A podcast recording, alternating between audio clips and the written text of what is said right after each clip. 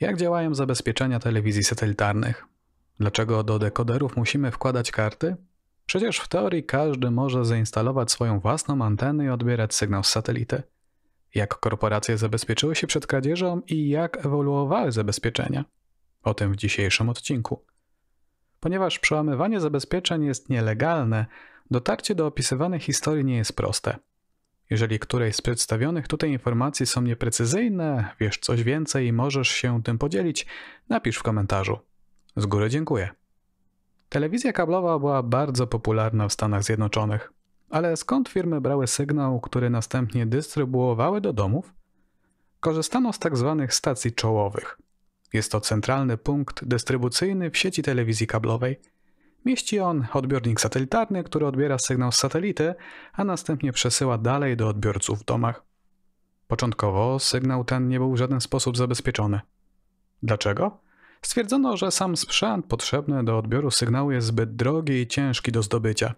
Oczywiście z czasem sytuacja zmieniła się diametralnie, a ludzie zamiast płacić telewizji, instalowali anteny na swoich domach i odbierali sygnał za darmo. HBO jako pierwsza stacja wprowadziła kodowanie swojego sygnału. Oczywiście nie spotkało się to z zadowoleniem społeczeństwa. Warto tutaj wspomnieć o incydencie kapitana Północ. W połowie transmisji filmu widzowie przez kilka minut widzieli kolorową planszę z napisem Dobry wieczór HBO. Tu kapitan Północ. 12,95 dolara za miesiąc? Nie ma mowy. Jak się potem okazało, autorem komunikatu był właściciel sklepu z antenami satelitarnymi na Florydzie, zajmujący się również ich montażem. Jego biznes podupadł. Musiał zatrudnić się na pół etatu w firmie zajmującej się przesyłaniem sygnału telewizyjnego do satelit. Ustawił ogromną antenę nadawczą o średnicy 9 metrów i nadał swój komunikat. Starał się być grzeczny, stąd powitanie na początku i unikał wulgaryzmów. Pseudonim wybrał na podstawie tytułu niedawno oglądanego filmu nastolatku. Komunikat oczywiście zauważyli właściciele satelity. Próbowali odzyskać nad nią kontrolę, zwiększając moc transmisji, ale nasz bohater też ją zwiększył. Dalsze podkręcanie mocy nie miało sensu, bano się o zniszczenie satelity. Na szczęście kapitan po kilku minutach przestraszył się i poszedł spać. Ale jak go znaleziono? Było około 2000 licencjonowanych miejsc, które mogły wysłać taki sygnał. Dodatkowo autor komunikatu użył specjalistycznego generatora do stworzenia napisu, co również zawęziło krąg poszukiwań. Taki sprzęt był rzadki, używany jedynie przez wyspecjalizowane ośrodki, wystarczyło więc zwrócić się do producenta z prośbą o listę odbiorców. Ale wracając do zabezpieczeń. HBO używało systemu nazwanego Video Cipher 2. System ten szyfrował dźwięk przy użyciu algorytmu DS, obraz natomiast był poprzestawiany. Chodziło o to, aby przekonać użytkowników do zakupienia specjalnego urządzenia, które potrafiło odszyfrować transmisję. Nie miałeś urządzenia? Obraz był nieczytelny, migał na różne sposoby, a dźwięku nie dało się zrozumieć. Zastanówmy się chwilę nad bezpieczeństwem całej metody. Najważniejszy jest klucz, którym szyfrowane są kanały. Jeśli ktoś go zgadnie, co jest raczej mało prawdopodobne, albo w jakiś magiczny sposób odczyta, jest w stanie oglądać kanały za darmo. Jeśli wierzyć stronie, którą znalazłem, zdawali sobie z tego sprawę i twórcy urządzenia. Nie wysyłano jednego klucza do wszystkich. Każdy descrambler posiadał swój identyfikator oraz własny klucz. Informacje o subskrypcji danego klienta były wysyłane przez satelitę. Klucze potrzebne do odszyfrowania kanałów były szyfrowane kluczem urządzenia. Dzięki temu informacja przeznaczona dla jednego systemu nie mogła zostać użyta przez inny, bowiem każdy z nich posiadał osobne wbudowane klucze. W teorii brzmi to jak świetne zabezpieczenie. Z czasem jednak piraci znaleźli sposób na odczytanie z układu scalonego wszystkich potrzebnych informacji. Mogły powstać urządzenia klony. Jedna osoba kupowała najdroższy pakiet z wszystkimi możliwymi kanałami. Identyfikator urządzenia oraz jego klucze wgrywano do innych nielegalnych urządzeń, sprawiając, że działały one tak jak dawca, czyli pozwalały na oglądanie dokładnie takich samych kanałów. Co ważne, stacje telewizyjne nie posiadały sposobu na proste wykrycie takich modyfikacji. Nie było żadnego kanału zwrotnego, którymi dekoder mógłby przesłać informację do centrali, że coś jest nie tak. Oczywiście pracownicy telewizji mogli pójść do dealera, zakupić u niego zmodyfikowane urządzenie, aby w taki sposób poznać identyfikator dawcy, no ale to wymagało sprytu. Dlatego w kolejnych wersjach wrażliwe elementy elektroniczne były zalewane w fabryce żywicą.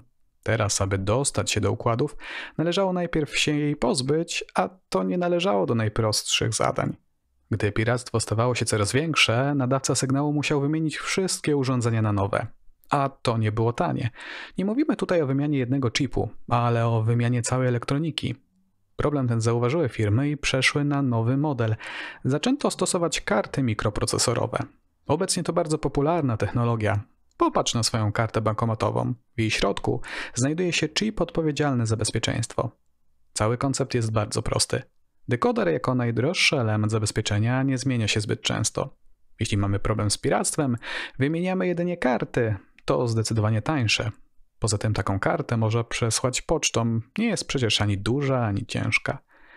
Wideokrypt szyfruje obraz za pomocą techniki cięcia i obrotu poszczególnych linii obrazu. Każdej linii może występować 256 punktów cięcia.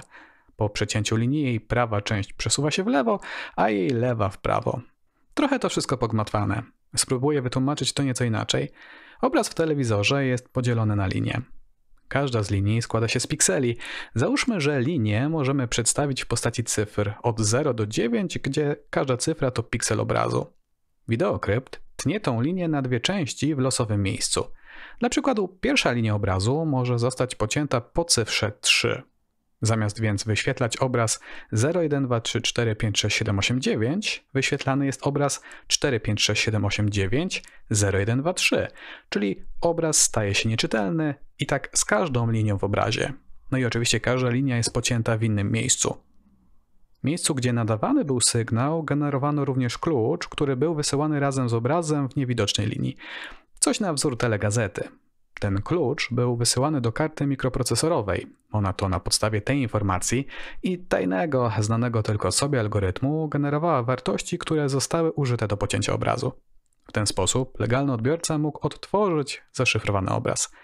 Całość opiera się zatem na tym, że wysyłaliśmy jakieś dane do karty, a ona generowała nam odpowiedź, którą można było użyć do odkodowania kanałów. Problem w tym, że komunikację tą można było podsłuchać. Ten atak jest znany jako McCormack hack. Podsłuchane dane można było przesłać do innego urządzenia, które wykorzystywało je do odtwarzania kanałów.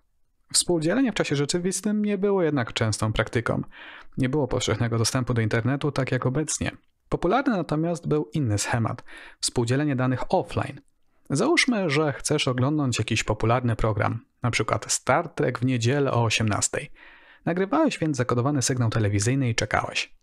W tym samym momencie osoba z zakupionym abonamentem przy pomocy specjalnego oprogramowania nagrywała klucze szyfrujące używane podczas danej transmisji i zapisywała je w postaci pliku VCL Videocrypt Log File.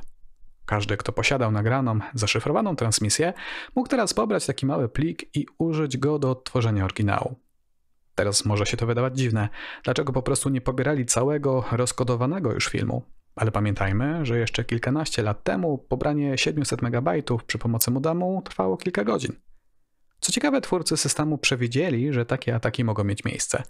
Oryginalny plan zakładał, że każdy dekoder będzie połączony z kartą w procesie nazwanym personalizacją. Proces zakładał, że karta będzie zawierała identyfikator dekodera i będzie działała tylko z jednym konkretnym modelem. Co więcej, karta mogła być sprawdzona przez dekoder przy użyciu algorytmu Fiat-Shamir Zero Knowledge. W teorii miało to działać tak, że dekoder wysyłał do karty zapytanie, a ta musiała na nie odpowiedzieć w prawidłowy sposób. Tak oto dekoder miał wiedzę, czy ma do czynienia z oryginalną kartą, a nie jakąś podróbką. Niestety, dla systemu obie z tych funkcji nie działały prawidłowo. Ale to nie tak, że telewizja nie mogła się bronić. Do kart zdalnie mogły być przesyłane komendy. Dzięki temu można było zadzwonić do centrali i dokupić dodatkowy pakiet sportowy. Wtedy centrala wysyłała informacje o aktywacji konkretnego pakietu dla konkretnej karty. Dekoder odczytywał ten pakiet i przesyłał do karty, która od tego momentu dekodowała dodatkowe kanały. Ale system ten można też było używać do deaktywacji kart. Niedziałające karty to problem dla piratów. Co można z tym zrobić? Powitajcie Infinite Lives Hack. Stare karty bazowały na mikrokontrolerze ST1834. Żeby je przeprogramować, wymagane było napięcie plus minus 21 V. Ograniczając napięcie do 12 V, zablokowanie karty było niemożliwe, pomimo tego, że otrzymywała ona komendę do aktywacji. Implementacja tej sztuczki wymagała drobnych elektronicznych umiejętności. Piraci instalowali diodę Zenera oraz rezystor i już. Modyfikacją tego sposobu był Kentucky Fried Chip Hack, który swoją nazwę zawdzięcza szefowi bezpieczeństwa departamentu firmy Sky. W skrócie, pobrano program z chipu, a następnie zmodyfikowano go tak, że jeśli wykrył pakiet mający deaktywować kartę, po prostu go ignorował. No ale co jeśli karta została już zablokowana? Tu do gry wkracza Phoenix. Karty, które trafiały do nowych właścicieli, musiały być najpierw aktywowane. Nie do końca wiadomo jak, ale po jakimś czasie piraci zrozumieli, jak działa ten mechanizm. Teraz mogli ponownie aktywować karty, które już zostały wyłączone. Wystarczyło wysłać odpowiedni pakiet z prawidłową sumą kontrolną i już. Co ciekawe, w 1993 roku komuś udało się wykraść sekretną funkcję, która była wykorzystywana w algorytmie. Większość stacji korzystała z tego samego kodu, który różnił się tylko 32-bajtowym sekretem. Nie wiadomo jak doszło do wycieku, ale jest wysoce prawdopodobne, że źródłem był jakiś pracownik firmy, która wytwarzała karty. Dzięki temu wyciekowi możliwe było stworzenie nielegalnych, sklonowanych kart. Były to proste płytki PCB z tanim mikrokontrolerem z zaimplementowaną sekretną funkcją. Pamiętasz jeszcze algorytm cięcia obrazu po linie? Z czasem moc obliczeniowa komputerów stała się na tyle duża, że powstały programy, które były w stanie odtworzyć prawidłowy obraz w czasie rzeczywistym, bazując na pewnych artefaktach. Zakładając, że przecież wyświetlany obraz nie jest losowy, ale przedstawia jakiś krajobraz, scenę twarz. Więc piksele, będące obok siebie, powinny do siebie pasować, na przykład kolorystycznie. Oczywiście metoda ta nie była w 100% skuteczna, ale pokazuje tylko, że obfuskacja to nie szyfrowanie i te dwie metody nie powinny być używane zamiennie. Ale to nie koniec naszej opowieści. Na Twitterze Chrisa Gerlińskiego opisuje on historię łamania zabezpieczeń amerykańskiej firmy DirecTV. Zaraz zobaczysz, że była to istna zabawa w kotka i myszkę. Na początku były karty zwane kartami F. We wnętrzu znajdował się mikrokontroler z procesorem 6805. Podczas analizy oprogramowania znaleziono błędy, które pozwalały na zapis i odczyt pamięci EPROM po podłączeniu karty do portu szeregowego w komputerze. Wszystkie informacje o subskrypcji oraz klucze szyfrujące znajdowały się bezpośrednio w EPROMie. Dzięki temu możliwe było stworzenie klonu karty, która działała tak samo jak oryginał. Inną techniką było zmodyfikowanie oprogramowania w taki sposób, aby karta ignorowała listę autoryzowanych kanałów, pozwalając tym samym na oglądanie ich wszystkich. Tą technikę nazwano 3M od trzech muszkieterów, jeden za wszystkich, wszyscy za jednego. Tutaj mówimy jednak cały czas o modyfikacji oryginalnych kart. Ale skąd je brać? Problem ten rozwiązano przy pomocy tzw. Tak battery card, czyli zamienników oryginalnych plastikowych kart. Były to nieco przedłużone płytki PCB, które wkładano do dekodera tak samo jak oryginalną kartę. Na płytce znajdował się mikroprocesor, bateria oraz pamięć. Całość posiadała również port umożliwiający połączenie z komputerem. Z punktu widzenia dekodera była to zwykła karta, która działała w identyczny sposób jak oryginał. Odbiornik nie potrafił rozróżnić tej karty od oryginału. Dla przestępców jednak było to dużo wygodniejsze rozwiązanie. Nie musieli pozyskiwać oryginalnych kart, które można by było zmodyfikować, tworzyli po prostu własne. Gdy telewizja zmieniała coś w swoim systemie zabezpieczeń, piraci rozpracowywali zmiany i przygotowywali aktualizację swoich produktów. Ściągało się wtedy taką aktualizację i wysyłało do karty. Co ciekawe, aktualizacje te były zaszyfrowane i zabezpieczone. Po co piraci tak bardzo chronili swoją własność intelektualną? Powody były dwa. Po pierwsze, chronili się przed konkurencją, która mogłaby chcieć skopiować ich produkt i sprzedawać bez odpowiedniej prowizji. Po drugie, zaszyfrowanie aktualizacji sprawiało, że firma telewizyjna, przynajmniej w teorii, miała utrudnioną analizę takiego pliku, więc nie była w stanie na pierwszy rzut oka stwierdzić, jakiej podatności tym razem doszukali się przestępcy. Musimy bowiem pamiętać, że był to bardzo dobry biznes. Istniał duży popyt na dostęp do płatnej telewizji w nieco niższej cenie. W latach 90. istniała sieć dealerów, którzy zajmowali się dystrybucją i instalacją takich zmodyfikowanych urządzeń. Działało to trochę na zasadzie mafii. Były osoby o samej góry, które zajmowały się łamaniem zabezpieczeń i tworzeniem odpowiednich programów sprzętu, który mógł być potem wykorzystywany przez instalatorów niżej w hierarchii. Zazwyczaj takie oprogramowanie było trzymane w sekrecie. Po co mielibyśmy dawać coś za darmo, jeżeli możemy na tym zarobić? Ron Exe to jeden z pierwszych publicznie dostępnych programów. Co ciekawe, pojawił się z powodu walki pomiędzy dwoma grupami oferującymi podobne usługi. Warto zwrócić uwagę, jak prosta była cała ta procedura. Wystarczyło kliknąć klawisz C na klawiaturze i już. Widzisz ten niebieski klips na zdjęciu? Karta była łączona z odbiornikiem. Odbiornik zapisywał numer seryjny karty i nie pozwalał na korzystanie z innej. W battery card była kopia jakiejś karty. W odbiorniku więc musiał pasować jej numer seryjny. Przeprogramowało się pamięć EPROM chipu wykorzystując właśnie ten klips. Współzawodniczące ze sobą grupy dealerów podkradały swoje oprogramowanie, ale nie zawsze wszystko działało tak jak należy. Czasami karty przestawiały odpowiadać na programator oraz odbiornik. Stawały się zepsute lub jak to nazywano w nomenklaturze ówczesnych hakerów, były w stanie pętli. Z czego to wynikało? Oprogramowanie klonujące kart działało sekwencyjnie, kopiując dane od początku do końca. Gdy tylko zmienił się początek programu na karcie, zaczynał się wykonywać, tylko że potrzebował danych z końca karty, które nie zostały jeszcze zmienione. A ponieważ kod zaczął się już wykonywać, programator nie mógł zapisać danych na końcu karty i to sprawiało, że karta działała w pętli, próbując wykonać program, który nie był prawidłowy. To nie jest tak, że stacje nie wiedziały o piractwie. Czasami próbowały działać w nietypowy sposób. Przykładem jest specjalny kanał dostępny jedynie dla osób korzystających z nielegalnych kart. Ich karty odkodowywały wszystkie kanały. Ten kanał był niedostępny dla legalnych klientów, bo ich karta nie pozwalała na jego odkodowanie. W kółko wyświetlany był tam spot zachęcający do kupna legalnej telewizji w promocji. Czy taki zabieg marketingowy działał? Trudno powiedzieć. Trzeba jednak przyznać, że był to ciekawy pomysł. Z czasem zmieniono jednak system zabezpieczeń. Tym razem zaczęto używać tak zwanych kart H. Oczywiście wiązało się to z fizyczną zmianą kart u wszystkich legalnych subskrybentów telewizji. Tutaj ponownie udało się pobrać kod z pamięci ROM i EPROM karty. Następnie znaleziono błędy w tym oprogramowaniu i na ich podstawie stworzono programator kart. Piraci posiadali dostęp do wewnętrznej pamięci karty, mogli modyfikować oprogramowanie, które się tam znajdowało w taki sposób, aby karta pozwalała na odkodowywanie wszystkich kanałów. Dalej jednak pozostawał jeden problem. Piraci musieli mieć dostęp do oryginalnej karty, którą mogliby zmodyfikować. Ale dlaczego? Przecież poprzednim razem byli w stanie stworzyć emulator karty. Czemu nie było to możliwe tym razem? Ta karta posiadała nie tylko mikrokontroler, ale także specjalny chip ASIC stworzony tylko i wyłącznie na potrzeby DirecTV.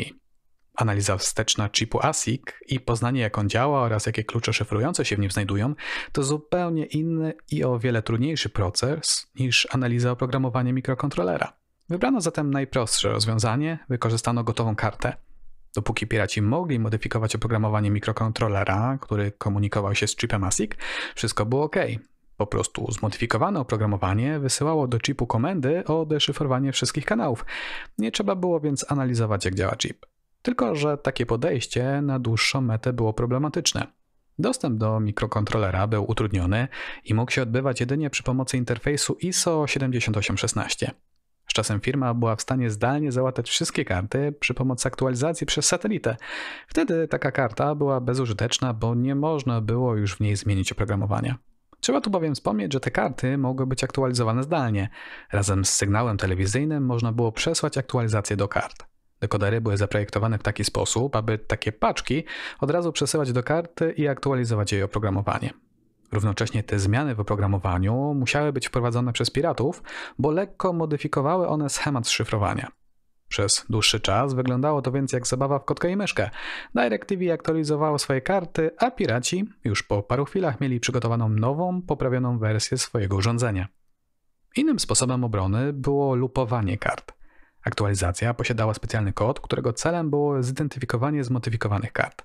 Jeżeli karta wykryła taką modyfikację, ustawiała specjalną flagę w pamięci EPROM. Podczas startu karty weryfikowała tą flagę i jeżeli wartość była ustawiona, karta po prostu nie działała. Uruchamiała się w kółko w pętli, wysyłając wartość 99 na porcie szeregowym.